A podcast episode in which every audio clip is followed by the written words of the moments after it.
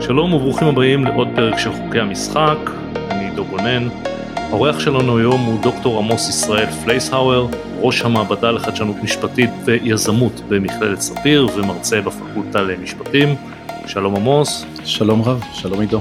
אני אתחיל בשאלה כמעט כללית, מה זאת חדשנות משפטית? וואו, חדשנות משפטית, אולי במילה אחת הייתי אומר זה לחשוב על המשפט לכיוון של המשפט ב-2030 או 2040.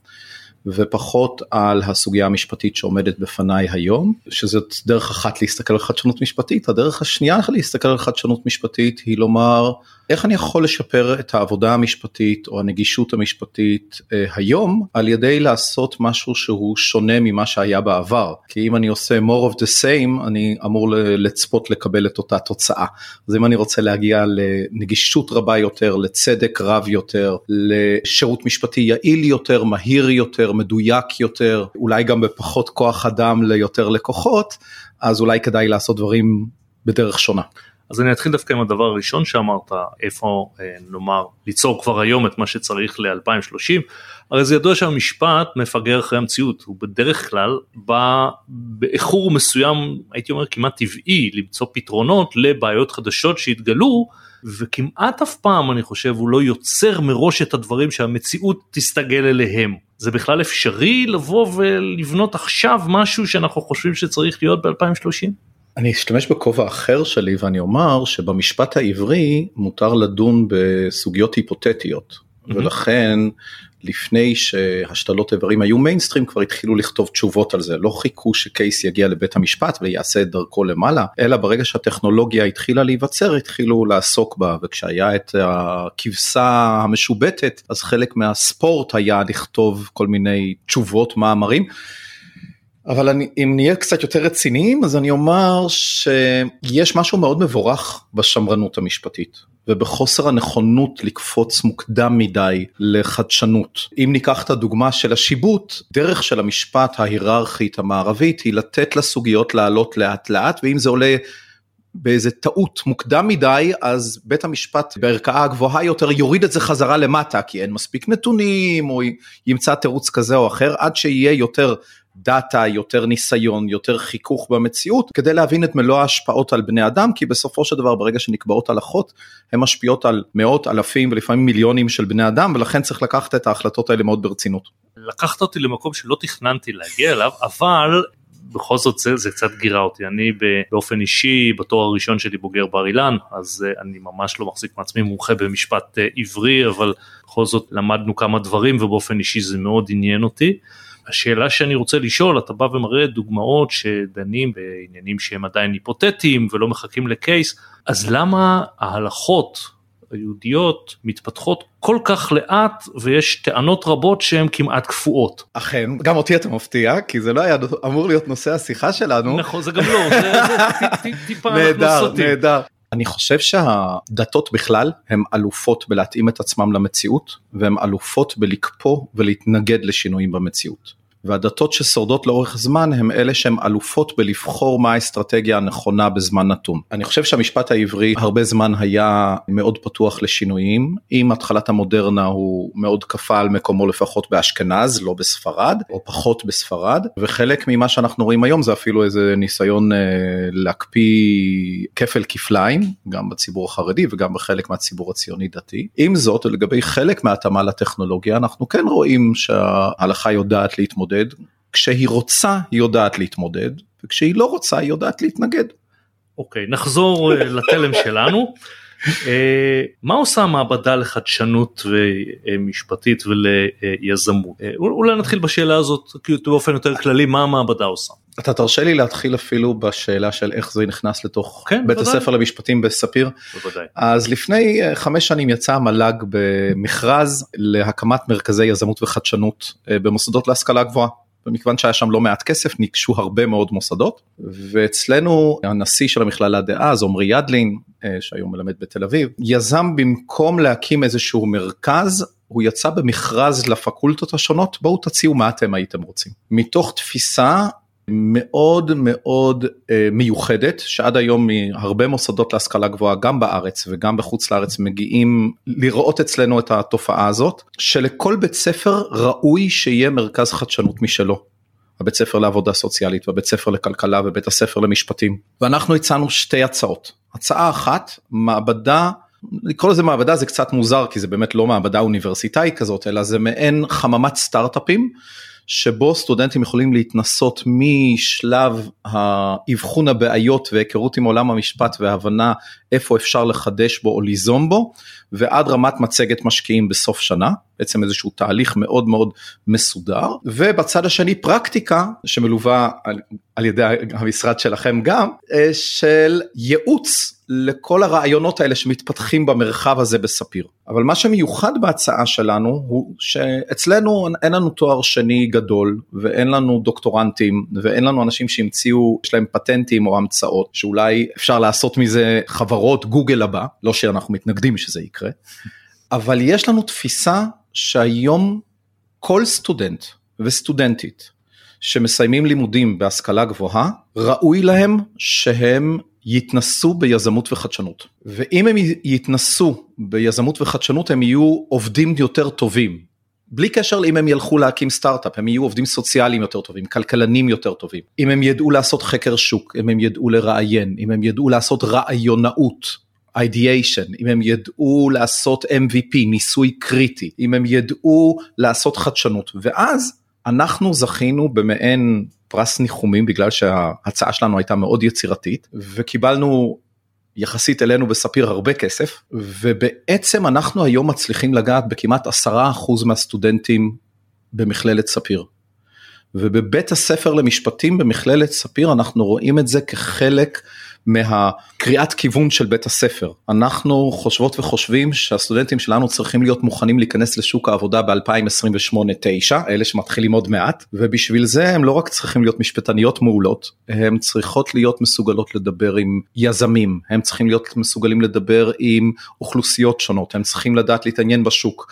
המעבדה בבית הספר למשפטים מיועד להכשיר דור אחר של משפטניות ומשפטנים. אז אני טיפה אקשה. מה שאתה תיארת כרגע הוא לא בהכרח חדשנות, הוא להקנות להם את הכלים שראוי שבית הספר יקנה. איפה החדשנות בזה? זאת אומרת הדברים שאתה אומר הם טובים ונכונים, כבר היום. You can't talk the talk without walking the walk זה מה שנקרא זה הרמה להנחתה זה לא שאלה קשה okay. אוקיי. גילינו מהר מאוד שלדבר ולעשות קורסים על החדשנות הוא לא אותו דבר ברור. כמו לתת לקבוצה של סטודנטים להתנסות בעומק של לדפוק את הראש בקיר חמש פעמים בשבוע של להיות מחויבים לזה ב-11 בלילה וגם ב-2 בלילה של ללכת ולראיין אנשים אמיתיים.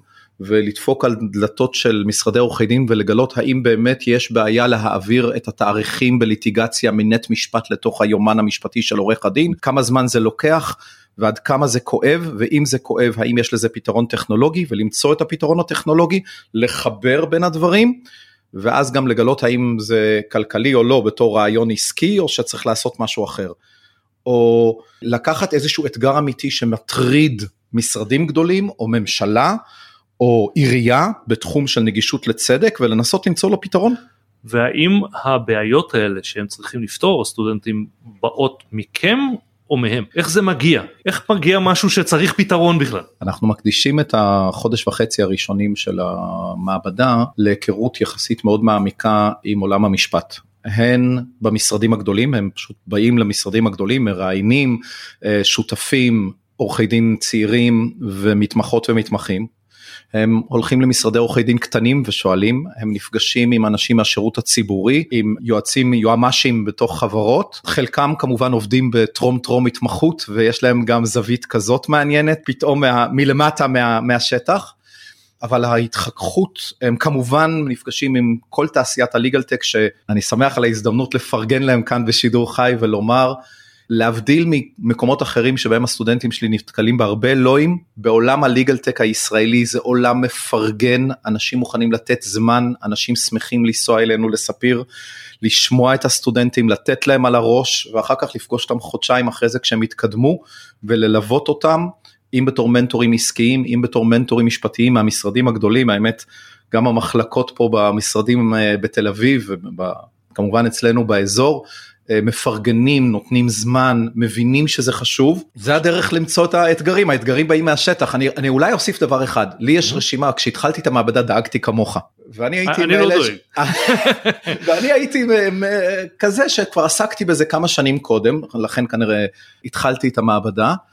ובאתי עם רשימה של 20 בעיות עם כיוונים לפתרון, ממש עם מעין מצגת כזאת, ובשנה הראשונה הראיתי אותה ולא בחרו אף אחד מהם. בשנה השנייה הפניתי את הסטודנטים, אם הם צריכים רעיונות, תסתכלו במצגת. בשנה השלישית כבר ויתרתי, הם לא לקחו רעיון אחד מהרעיונות שלי. אוקיי. Okay. מעליב מאוד. עכשיו כשאתה מדבר על חדשנות במשפט במעבדה האם אתה מתכוון אה, חדשנות במשפט עצמו בשימוש בו בעבודת המשפטן? במה בא לידי ביטוי החדשנות. שאלה מצוינת. אני אקדים ואומר שזה גם יזמות וגם חדשנות. יכולה להיות יוזמה שהיא לא חדשנית אבל היא פותרת בעיה על ידי נקיטת יוזמה מסוימת. אני אתן אה, דוגמה. באה אלינו פנסיונרית. אנחנו משתפים במעבדה שלנו אנשים מהקהילה. באה אלינו פנסיונרית מאחד מהערים בסביבה ואמרה אצלנו אין מרכז גישור פישור. אני חושבת שמאוד צריך.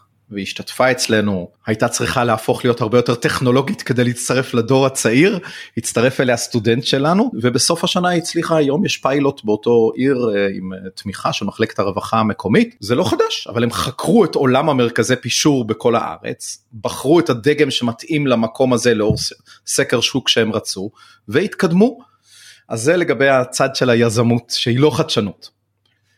אה, חדשנות במשפט עצמו במובן של אה, לשנות חקיקה או לשנות תקנות זה אצלי לא מרכז העניין. יש לנו mm-hmm. פרקטיקה לחקיקה שמתמחים בכנסת ולומדים לעשות את זה אה, זה לא אצלי. עם זאת ייתכן שבמסגרת שינוי מסוים למשל אם נגיד e-discovery בארץ צריך שינוי תקנות. כי זה שהוא לא קיים בארץ זה לא כי אין את הטכנולוגיה אלא כי התקנות לא uh, מעודדות e-discovery. אז אם מישהו ימצא טכנולוגיה מאוד מאוד מקדמת e-discovery בעברית, מה שאני צופה שיקרה תוך שנה שנתיים בגלל שהעברית מתקדמת ב-AI, ואז יהיה כל כך כדאי למשרדים לעשות e-discovery בארץ, אז יהיה לחץ יותר גדול כמובן על uh, הרגולטור, ואם צוות שלי ילך לכיוון כזה ויעצרו אותו, כמו שלמשל עצרו צוות שלי שרצה ליזום משהו בדיני ירושה והם הגיעו לרשם הירושות, היא אמרה חבר'ה אתם, אתם לא בכיוון, התיקון האחרון של חוק הירושה לא כולל את החידושים שאתם רוצים. ואז הם ישבו בישיבה והם אמרו האם אנחנו מתקדמים ונסמוך על זה שנשנה את החוק. או יורדים מזה. או יורדים מזה, זה go no go, כי הם כן, כבר הגיעו למקבל ההחלטות. אז זה לגבי, אבל רוב היוזמות שלנו הן יוזמות של חדשנות בעשיית המשפט, בנגישות למשפט, אם אני מחלק לשניים, ב-access to justice שקשור לכל הסיפור של נגישות למשפט, צדק, אה, עשיית צדק, הנכחת המשפט, הפשטת המשפט, כל הנושא הזה של אוטומציה של תרגום שפה משפטית לשפה דבורה, אם זה בהסכמים של בנקים וכל מיני אה, דברים כאלה, legal design מה שאנחנו קוראים, או בתחום של ייעול עבודת המשפט, אם זה ברשויות, אם זה אצל משרדי עורכי דין גדולים, קטנים, בעיות גדולות, בעיות קטנות. עכשיו אני, אני מבין שאתה עוסק בחדשנות בעצם במעבדה כמעט כדרך חיים, אבל האם בעיניך חדשנות כשלעצמה זה ערך או כלי? שאלה, או לא זה ולא זה. שאלה מצוינת, אני לא הייתי אומר לא זה ולא זה, אלא הייתי אומר גם וגם עם הערה מסייגת לפני ואני אתחיל דווקא בה. וזה מתחבר למה שאמר, שאמרתי קודם, ברגע שאני אומר שזה כלי חשוב או ערך חשוב, במשפט אנחנו עלולים להביא לטעויות, ובמשפט כל טעות היא גם דיני נפשות. וצריך לזכור שבצד חדשנות יש ערך מאוד גבוה לשמרנות, למסורת ולאחריות על התהליך. ואחריות וחדשנות זה, זה אחד מהמוקדים שבהם אנחנו עוסקים הרבה במעבדה, איך אנחנו מבינים את המחירים של החדשנות ולזה ניגע אני מניח קצת יותר מאוחר כשנגיע ל-AI לשמר את ערך האדם בתוך הסיפור הזה. אז אחרי ההערה המסייגת הזאת אז אני אומר מה בעיניי חדשנות כערך ומה ככלי. אז כערך במחילה לא יודע אם נהוג לומר את זה בפודקאסט שלך אנחנו חיים בעולם שהוא רע להרבה מאוד אנשים. וכמשפטן, אתה יכול להגיד בפודקאסט מה שאתה רוצה, אין לו כללים. וכמשפטן וכאדם וכאזרח, אני חושב שהתפקיד שלי בתור אה, מרצה בבית הספר למשפטים בספיר הוא לדאוג לעולם טוב יותר ושיהיה צדק ובשביל זה צריך לייצר עולם חדש בלי עולם ישן עד יסוד נחריבה, אבל כן עולם חדש עם יותר צדק, עם יותר יעילות, עם יותר נגישות, עם יותר שוויוניות, וכנראה בכלים הנוכחיים קשה לעשות את זה. חדשנות במובן הזה הוא ערך כדי להביא יותר טוב אנושי, אבל הוא ערך כי אני לא רוצה להישאר במצב הנוכחי. ככלי, אני אומר שבתור עובד של המאה ה-21 או עובדת של המאה ה-21, בתור לא לקבל את העולם כמו שהוא, הנכונות להתנסות, היכולת להגדיר אתגר שאומר צריך פה משהו חדש, לבחור בין אופציות, להסתכל מסביב ולדעת אל תמציא את הכל, אבל תכיר את הטכנולוגיות החדשות ותבחר מתוכן מה מתאים למשרד שלך או לצורך שלך. ואני אומר ככלי זה היום לא nice to have. זה must have. ברור, אבל אני רוצה רגע להתמקד בנושא של ערך, כי ככלי אני חושב שאני, לא רק אני, הרבה יסכימו איתך שככלי בעולם של המאה ה-21 זה באמת must, ואני חושב שהסטודנטים שלך, גם אם אתה לא היית שם, הם היו שם, כי הם צעירים וזה ברור שהם במאה ה-21 ואת זה מה שהם רוצים וזה תמיד נכון, אני חושב. אבל אני חוזר לזה כרגע כערך. יש גם מצד שני אה, הרבה פעמים את האמירה If it's not broken don't fix it. זאת אומרת יש דברים ישנים עובדים מצוין, אני לא מדבר על דברים שאנחנו יודעים שאנחנו מחפשים פתרונות כי יש בעיה. האם חדשנות תמיד או שאם זה ישן וטוב אז אולי לא צריך חדשנות. כל מקרה לגופו כמובן. שאלה מצוינת, אני חושב שאם משהו עובד ומביא לתוצאה טובה, לא בטוח שצריך לתקן אותו, חדשנות כערך בעיניי זה לא אומר כל הזמן לשנות הכל, אוקיי? Okay. אוקיי? Okay? אם הזוגיות של מישהו, מישהו טובה, לא בטוח שיש ערך ב- להתחדש. אוקיי. Okay. אני, אני חושב שכשחדשנות הוא רק כלי, אנחנו נתקן רק את מה שאנחנו יודעים that is broken. אבל אנחנו מפספסים הרבה דברים שהם broken והתרגלנו אליהם, okay. אוקיי. ואנחנו מפספסים הרבה דברים שאנחנו לא יודעים שאפשר לעשות אותם יותר יעיל, ואני מזכיר לך את, ה, את אותו uh, הצגה של האייפון הראשון, כן? זה לקחת שלושה דברים קיימים, אבל בשוליים לאחד אותם לדבר אחד ולשנות את החוויה האנושית. לא בטוח שזה דווקא לטובה או לרעה, אבל זאת כן. חדשנות במובן הזה, דרך אגב, עוד פעם, הוא לא המציא שום דבר חדש, אפילו רואים שם בנאום הזה של סטיב ג'ובס, כן? אנחנו לוקחים את זה, אבל, לוקחים את זה, לוקחים אבל, את זה. ו... אבל הוא שינה את העולם. אבל הוא שינה את העולם, ואם הוא, אבל, ואז הוא יצר את הביקוש, משהו שאנשים לא ידעו שבעצם רוצים. עכשיו, חלק מהדברים האלה, אולי לא טוב שאנחנו נרצה. תראה, אבל אני... אנחנו צריכים להתנסות בזה. אני אספר רק כקוריוז לפני השאלה הבאה, בעבר הצגתי אה, חברה גדולה שמכרה מותג, חברה סליחה קטנה שמכרה מותג שהיה אז מאוד ידוע בארץ של אה, מכונות כביסה ומכשירי חשמל והקונה אה, היה, הייתה חברה גדולה, נחשבת יותר חד, חדשנית, יותר כמה דרגות מעל. המנכ"ל של אותה חברה שמכרה היה יקה מהדור הישן, נסע באוטובוס לעבודה, והוא בא ואמר התוצאות הן כאלה ואחרות, אמרו לו לא יכול להיות זה טוב מדי, אמר להם תבדקו אותי, דברו אחרי זה, בדקו אותו, כל מילה הייתה נכונה. בסופו של דבר הציעו לו להישאר ולהיות המנכ"ל של העסק, הוא אמר חד משמעית לא. אמרו לו למה לא? הוא אמר תראו, אתם תיכנסו ותכניסו צוותים שלמים של שירות ומחשבים וראשי אזורים ומנהלי אגפים ותנפחו לא, לא, לא בכוונה אבל ההוצאות שלכם יתנפחו. אני יודע לעשות דבר אחד לקנות מכונת כביסה בזול למכור ביוקר זה הכל. בגלל זה הגעתי לתוצאות האלה. אני אומר את זה כמובן כקוריוז אה, אבל יש בזה משהו. אבל אני רוצה לשאול שאלה בכיוון טיפה שונה. כמו שאמרת בהתחלה אתה גם מומחה למשפט עברי האם הנושא הזה של חדשנות הוא גם ערך במשפט העברי או לא, או שהוא פשוט קורה או לא קורה בהיסטוריה של המשפט הזה? אני לא בטוח שאני יודע את התשובה, אני אנסה mm-hmm. ככה לחלוק אה, שתי מחשבות. הטכנולוגיה אפשרה קרבה הרבה יותר גדולה בין אה, פוסקי הלכה לבין הציבור, אם זה בשו"ת אס.אם.אס, אם זה היכולת לנסוע לרע ואם זה היכולת לבנות היכלות יותר גדולים וקהילות יותר גדולות וכל מיני דברים כאלה. אה, אם זה היכולת לנהל קהילה או לנהל ציבור יותר גדול בעזרת כלי אלקטרוניקה וטכנולוגיה שונים. ובמובן הזה אני חושב שעוד פעם מידת ה-adaption וה-early adaption אפילו הוא לא רע כן? הדוגמה הקלאסית היא חב"ד שיצא מאיזשהו חסידות נורא נורא מקומית וקטנה לאיזשהו קונגלומרט עולמי על ידי הבנת עולם התקשורת בצורה מוקדמת, על ידי הבנת דווקא החשיבות של מגע אדם לאדם אבל בפיזור עצום היכולת לרכז 4,000 שליחים בכל העולם על ידי הטכנולוגיה. יש להם בית ספר וירטואלי לכל הילדים של השליחים. ילד בטיבט לומד ביחד עם ילד בברוקלין את אותו אה, לימוד. זאת אומרת יש לנו כל מיני יכולות שהמערכת יודעת אה, ללמד. זה לא כל כך המשפט העברי כמו הקהילה היהודית או חלקים מתוכה. אני מניח שרוב האנשים יגידו לך שחדשנות היא לא ערך היא כלי אם נשאל כמו קודם. אה, בתוך המקום הזה יכול להיות אבל רוב האנשים לא עוסקים בזה כעיסוק אז אני לא יודע אם אני הייתי שואל אותם את זה נכון אבל למרות שזו שאלה מעניינת כן. איך מחנכים לחדשנות ויזמות כי היום אל, אלה כבר buzzwords אבל אתה עוסק בזה בנקרא לזה חינוך משפטי במידה מסוימת. אה, איך, איך מחנכים לזה ככה שזה יהיה כל הזמן במודעות ומה צריך לעשות בשביל זה. קודם כל להיות כנים עם הסטודנטים שלנו.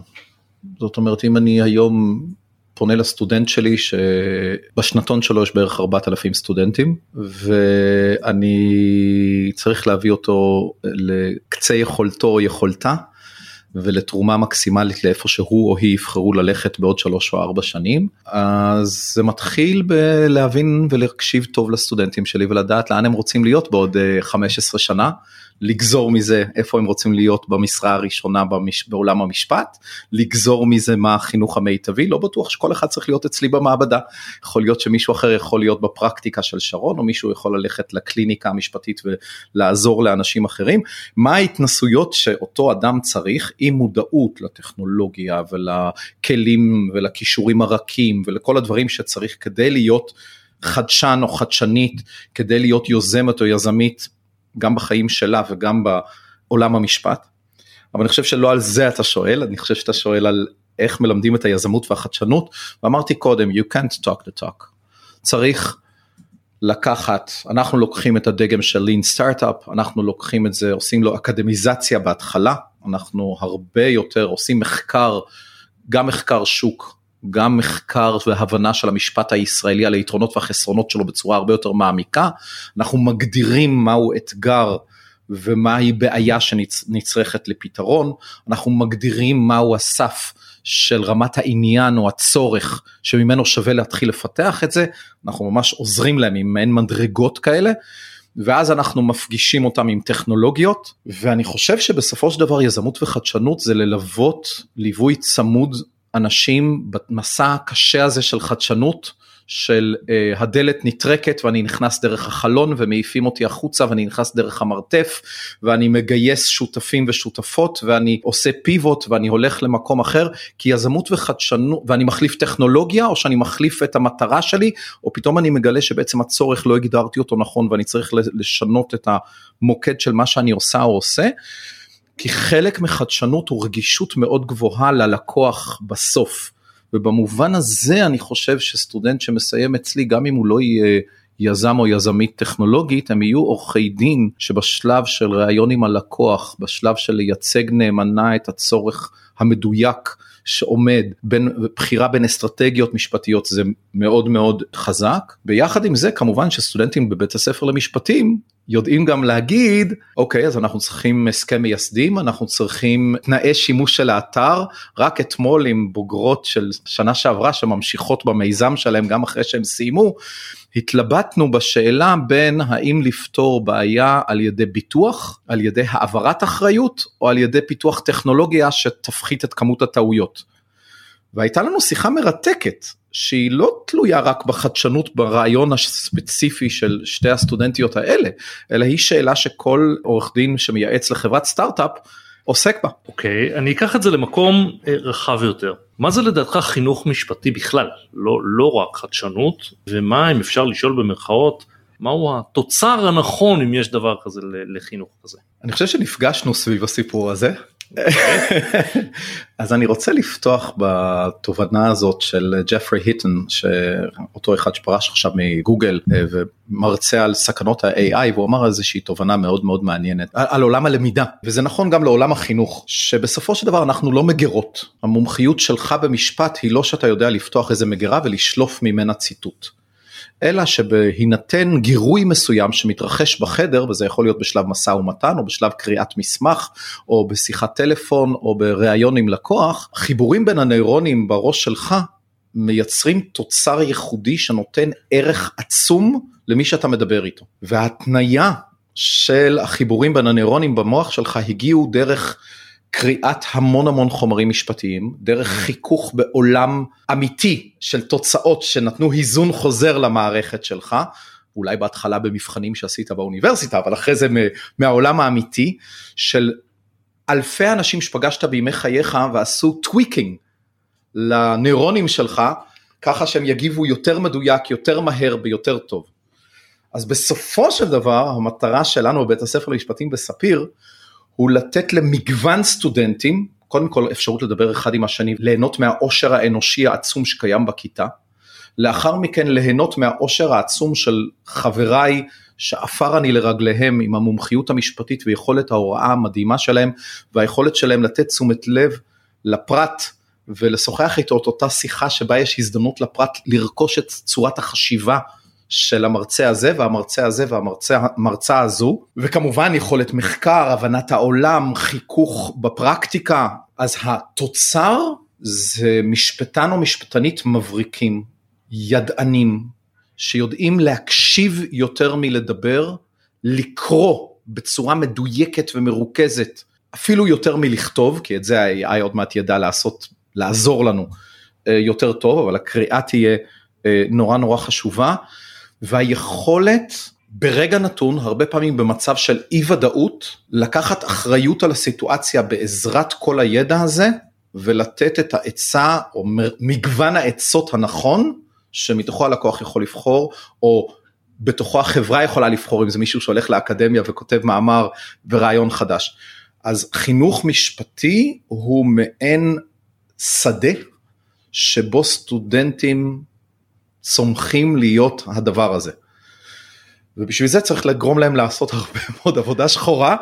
ברור. כי בלי ההתחככות הזאת עם העבודה השחורה הזאת זה לא ילך. אני אנסה טיפה לדייק יותר את השאלה שלי אני מבין את מה שאתה אומר והתשובה הייתה כללית כמו השאלה ששאלתי אבל אם אני לוקח את זה בעצם אה, מגיע סטודנט שכמו שאתה אומר לפעמים הוא יותר אוהב לעבוד, לפעמים פחות אוהב לעבוד, אבל הוא מגיע והוא רוצה לרכוש את הידע והכישורים, הוא לא יודע מה הם, אלא אתם יודעים מה הם, ובאמת באותו אירוע שבו אנחנו נפגשנו, דובר, אני לא זוכר אם זה היית אתה או מישהו אחר, אבל דובר על איך צריכים להיראות בכירי עורכי הדין, השופטים, המרצים של עוד 15 שנה אחרי שהסטודנט הזה מסיים. כי אז הוא כבר יהיה בכיר. מה הוא צריך להיות כשהוא מסיים אצלכם, הוא עוד לא יודע את כל הדברים שהוא יקבל בעולם המעשה, שצריכים להיות לו, אני אומר במרכאות, גם אם הוא לא אוהב את זה. שבלי זה הוא לא שלם והוא לא מלא והוא אולי לא מעריך את זה היום ואני אני אולי אתן אה, דבר אחד לפחות שפה אני חושב עליו. אה, אני יכול להגיד שמהרבה שנים בעולם המעשי כשמגיע אליי מתמחה חדש, שזה בעצם סטודנט שסיים אצלכם, פחות מעניין אותי מה הוא יודע כרגע בתחום דיני חברות לדוגמה. כי את זה קל לו היום לקחת ספר ולקרוא וללמוד או להסתכל בפסקי הדין. הרבה יותר מעניין אותי אם הוא יודע לחשוב ולנתח סיטואציות שהוא לא למד אותם כבר. אה, ולראות חוק חדש ולעשות את החיפוש המשפטי לא הטכני אלא לדעת אפילו תמיד אני אומר מדאיג אותי יותר לא כשמתמחה מוצא חומר שהוא לא מוצא. שהוא לא מוצא זה הרבה יותר מדאיג אבל האם הוא יודע להגיד שהוא באמת האם הוא יודע גם להפעיל את ההיגיון המשפטי ולהגיד האם זה יכול להיות? זאת אומרת יש הרי תחומים סתם אני לוקח את הדוגמה הזאת שהיא לא היחידה ואני אומר אה, יש תחומים שבהם אם אתה לא מוצא כלום ברור לך שלא חיפשת טוב לא יכול להיות. הדברים האלה עלו בהיסטוריה 80 אלף פעם. אה, ויש דברים אחרים שכן. מה הם אותם כישורים בעצם שהוא צריך לרכוש אצלכם כדי שבעוד 15 שנה הוא יהיה כמובן תלוי בכישוריו האישיים יוכל להיות בין המובילים. אני מאוד מאוד מסכים עם מה שאמרת ובכל זאת אני רוצה לחזור אולי כי אני באמת מלמד סטודנטים וסטודנטיות למשפטים. Mm-hmm. ואני אגיד עוד מעט יכולת למידה ויכולת חשיבה וסקרנות והזדהות עם המקצוע ועולם ערכי ברור ויכולת לחיות במגוון ומיומנויות שונות וכל מיני דברים כאלה אבל אני אחזור ואני אומר כדי להיות משפטן או משפטניות טובה הם צריכים להיות חשופים ל... כמו עשרת אלפים שעות אימון הופך לאדם למומחה, הם צריכים להיות חשופים לעשרת אלפים פסקי דין והם צריכים לקרוא אותם. אוקיי? והיום אנחנו חותכים אותם אז שיהיה 20 אלף חצאי פסקי דין, לא, לא משנה, לא יודע אם עשרת אלפים, אבל הם צריכים ידע משפטי שעושה התניה למוח של איך מסמך נראה, איך החשיבה הזאת נראית, איך על ידי מילים אני מגדר סיכונים, איך על ידי פרשנות אני יכול להפוך הלכה. את הדבר הזה לא עושים רק על ידי סקרנות ולא רק על ידי לראות מישהו אחר שעושה את זה, בזה צריך להתנסות. אוקיי? וכמובן להתנסות בקטן כי אתה עדיין לא יכול לעשות את זה בגדול, אוקיי? רוב הסטודנטים שלנו לא יהפכו הלכה, אבל אני כן אתן דוגמה. היה אה, לפני שבוע, אנחנו מקליטים את זה אחרי הבג"ץ על אה, ראש עיריית טבריה, ה... היה שם מועמד לראשות העירייה שייצג את עצמו וכתב עתירה והוא קיבל אה, ציון טוב מאוד מנשיאת בית המשפט העליון, היא רק העירה לו שהוא שכח לבקש סעדים, אבל היא אמרה לו אדוני כתב עתירה מאוד יפה וזה חוזר בעיניי לתפיסה כללית של חינוך. פאולו פררה עסק רוב שנותיו מפדגוגיה של מדוכאים, כתב את הספר פדגוגיה של מדוכאים, היה שר החינוך של ברזיל, כתב, עסק רוב חייו בחינוך מבוגרים. הרבה אנשים יכולים להיות עורכי דין טובים, הם מסתובבים בכל מיני מקומות, אז מגיע סטודנט אליי, אני מניח שהוא יכול להיות שופט בית המשפט העליון, ושלא לומר נשיאו. ואני עכשיו צריך לתת לו את המקסימום של ידע משפטי כדי להביא אותו או אותה לשם, כמובן שברגע שאני יותר מכיר את אותו סטודנט והוא רוצה להיות עורך דין בשירות הציבורי אז אני אעזור לו להגיע לשם. אבל בסוף אני צריך לתת את מגוון הידע וההתנסויות לדבר הזה. אחרי שאני מבטיח שבמשך ארבע שנים אצלי הוא יקרא המון חומר והוא ישלוט בהמון חומר, אני צריך להפגיש אותו עם שיטות חשיבה שונות. בשביל זה צריך להיות גיוון בסגל ובשביל זה צריך להיות גיוון בתלמידים ואפשרות לתלמידים לשמוע אחד את השני ולא רק את המרצים. ואז במשך ארבע שנים הוא או היא ישמעו 30 או 50 אנשים מעניינים ואז כשהוא יבוא אליך אני מקווה שכשהוא יבין שהמרצה שלו בתאגידים לא נתן פתרון לבעיה שכרגע ניצבת בפניו, אבל דווקא משהו שהוא שמע מהמרצה לחוזים, נותן לו איזה רעיון, והיה שם איזה מילה, והוא יחפש אותה, ופתאום זה פותח איזה תיבת פנדורה, והוא יסתקרן, דרך אגב, גם אם הוא לא ימצא שם את התשובה, רוב הסיכויים שהוא ימצא את התשובה בדרך. ובשביל זה אני צריך שהוא יצא ממני הכי עשיר שאני יכול להוציא אותו. אז אגב מה שאתה אומר והמילה חדשנות שדיברנו עליה קודם האם קורה לך או לכם בכלל בסגל הרבה פעמים שאתם באים עם קונספט מסוים ואתם לומדים מהתלמידים שלכם שטעיתם ומה שהם חושבים או עושים הוא יותר נכון.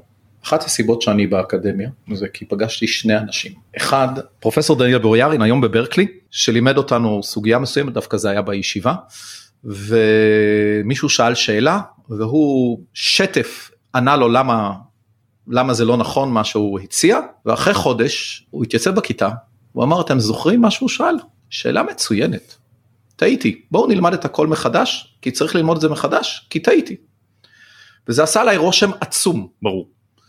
והשני, מקרה שני שזה קרה זה עם פרופסור אהרון קירשנבאום זיכרונו לברכה שהיה מרצה למשפט עברי באוניברסיטת תל אביב ואחר כך באוניברסיטת רייכמן וזכיתי להיות עוזר המחקר שלו וגם שם ראיתי את זה קורה. שכשבן אדם טועה הוא יודע לכתוב מחדש במקרה הזה שני פרקים מספר. היכולת הזאת קורית לי פעם בחודש לא בגדול כזה כמו לא, אלה ברור, שסיפרתי ברור, ברור. אבל כן איזה, איזה דיוק איזה אמירה לא הייתי חד מספיק וזה אחד מהתענוגות הגדולים של הוראה כי ב, במקצוע שלך בצד שלך של השולחן זה עלה למישהו הרבה מאוד כסף או עלה לו בשנת מאסר או עלה לו בלא יודע מה אצלי המחיר התיקון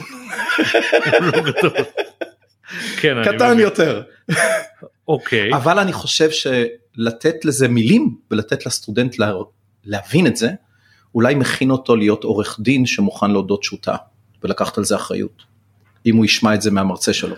אני אגב הייתי עד למתמחה שהיום הוא שותף במשרד הזה, כשהייתי עורך דין צעיר הוא היה מתמחה ונקראנו למי שעמד אז בראש אחת המחלקות לאיזושהי שאלה על פירוקים, אני לא זוכר כבר מה הייתה השאלה, שהוא ביקש שהמתמחה יעשה חיפוש משפטי על דבר כזה או אחר והמתמחה אמר לו אני אעשה חיפוש משפטי אבל השאלה מיותרת כי א', ב', ג', הקונספט שגוי, כולם הסתכלו אחד על השני כי זה היה, הוא דיבר מאוד בנימוס אבל uh, הוא היה אני יודע בן 25 והאיש היה בן 50 בערך ואותו עורך דין אמר לו הבנתי אותך וכנראה שאתה צודק זה, זה דבר שקורה. אני, אני אשאל אותך אפרופו החדשנות שאתה באמת אה, בחיי היומיום שלך והחינוך המשפטי האם אתה חושב ממה שאתה רואה קולגות פקולטות אחרות האם החינוך המשפטי בפקולטות בישראל היום הוא נכון או שלדעתך הוא טעון שיפור. לא רק אצלכם, בהגדרה, ובלי בלי שמות, כן, אני לא, לא מחפש. לא, אני אגיד בהגדרה כל מה שאני עושה טעון שיפור ואני מניח שגם כל מה שאני מעורב בו ואוי למוסד שחושב שמה שהוא עושה לא טעון שיפור. אני חושב שהשאלה היא הוגנת, השאלה היא חשובה. הפעם האחרונה שהיה שינוי גדול בלימודי המשפטים בארץ היה אחרי עיוני משפט אה, אה, כ"ה בסביבות שנת 2000, שאז הקוריקולום השתנה בכמעט כל הבתי ספר למשפטים וכולי. קצת לפני כן היה שינוי מאוד גדול בכניסת הקליניקות המשפטיות, שזה אחת מהברכות העצומות, אני חושב, לבתי הספר למשפטים בארץ, כן, אה, מההתחלה של פרופסור נטע זיו וכל הקלינאיות והקלינאים חבריי הטובים, ואנחנו חייבים להם המון תודה. ומאז יש שינויים, אני רק אה, אגיד למשל באוניברסיטת תל אביב הייתה ועדה על ענייני הוראה ושינוי פנימי בתוך האוניברסיטה, אבל זה היה, אז אני יודע על כל מיני שינויים שקרו בחלק מהמוסדות, אבל הם מקומיים ותחומיים, לא היה איזה שינוי מערכתי. אני חושב שהגענו לשלב שבו זה עוד מעט חייב לקרות. זה חייב לקרות כי מודל ההתמחות יהיה חייב להשתנות. לא בגלל הפוליטיקה שכרגע קורית בחוץ, אלא כי AI כי 16 אלף סטודנטים 4,000 למחזור uh, it's not sustainable המערכת כמו שהיא כרגע. הסטודנט שנכנס לבית הספר למשפטים בכל מקום בארץ הוא לא בוגר של אותה מערכת חינוך כמו לפני 20 שנה כמו שאז הוא לא היה כמו לפני 30 או 40 שנה מבחינת uh, ההתנסות שלו בטקסטים החשיבה שלו בשפה הראשונה אני לא מדבר כרגע על האנגלית אני מדבר mm-hmm. כרגע על היכולת השפתית שהרבה פעמים תלויה בשפה הראשונה. סוגיית המגוון שכרגע עדיין מאוד מאוד מחולקת בין מוסדות שונים ועדיין לא מצ... מספיק עושה איחוד, כן יש הבדל מאוד גדול בין האוניברסיטאות לעולם המכללות וסוגיות רבות שמטרידות רבים רבים ורבים וטובים מאיתנו. אנחנו עסוקים בזה ביום יום אז אנחנו חייבים להשתנות אנחנו חייבים להשתפר ואני חושב שבתי הספר גם עסוקים בזה בצורות שונות הרושם שלי גם בגלל לחץ השוק כמובן בסופו של דבר יש תחרות על הסטודנטים אבל גם בגלל אה, והלחץ מה industry מהלקוחות מה, מה, לאן שהסטודנטים הולכים. האם, האם אתם יוזמים איזשהו פידבק מסודר מבתי משפט משרדי עורכי דין לא מהסטודנטים עצמם כי הם כשהם מסיימים עוד לא יודעים אבל על, אה, על במרכאות מה הם מקבלים מה הם רוצים לקבל מה הדברים הנכונים, גם אם לא תאמצו את זה, אבל אתם עושים צעדים בסגנון הזה? אצלנו יש קבוצה שעוסקת בהוראה ובחשיבה על ההוראה וחלק ממה שאנחנו עושים זה אנחנו יוזמים שיחות כאלה, אנחנו לא עושים סקרים, אבל אנחנו בהחלט כשאנחנו מדברים עם אותם גורמים שהסטודנטים שלנו הולכים עליהם, אם זה בשירות הציבורי, אם זה בעמותות ואם זה במשרדים, אנחנו בהחלט מקדישים חלק מהשיחה לדברים האלה כדי להביא את החומרים האלה, ואני יכול להגיד שבאספות הסגל אצלנו הסוגיה הזאת נידונה, גם אם חלק מהסטודנטים שלנו לא הולכים, אנחנו לא רואים את עצמנו בית ספר שמכשיר עובדים למקצוע לא, לא ספציפי, לא, אבל זה... אנחנו כן, זה מעניין אותנו, זה מעניין אותנו, זה מעסיק אותנו. ברור אה, שלמשל מה שיחשוב, מה שיחשבו שופטים יכול להיות שונה ממה שיחשבו עורכי דין, ויכול להיות שונה ממה שיחשבו בשירות הציבורי, אבל אני מניח שזה רלוונטי לכם לפחות אומר, ולכן זה מאוד רלוונטי ואנחנו מביאים את הקולות האלה לתוך הדיונים האלה ואנחנו גם אה, עסוקים בהם. אנחנו גם מנסים להיות רגישים, כמו שאמרתי, לשינויים. אמרתי קודם, אנחנו היום מקדישים הרבה מאוד מאמץ. ליכולת הכתיבה המשפטית בעברית ובאנגלית.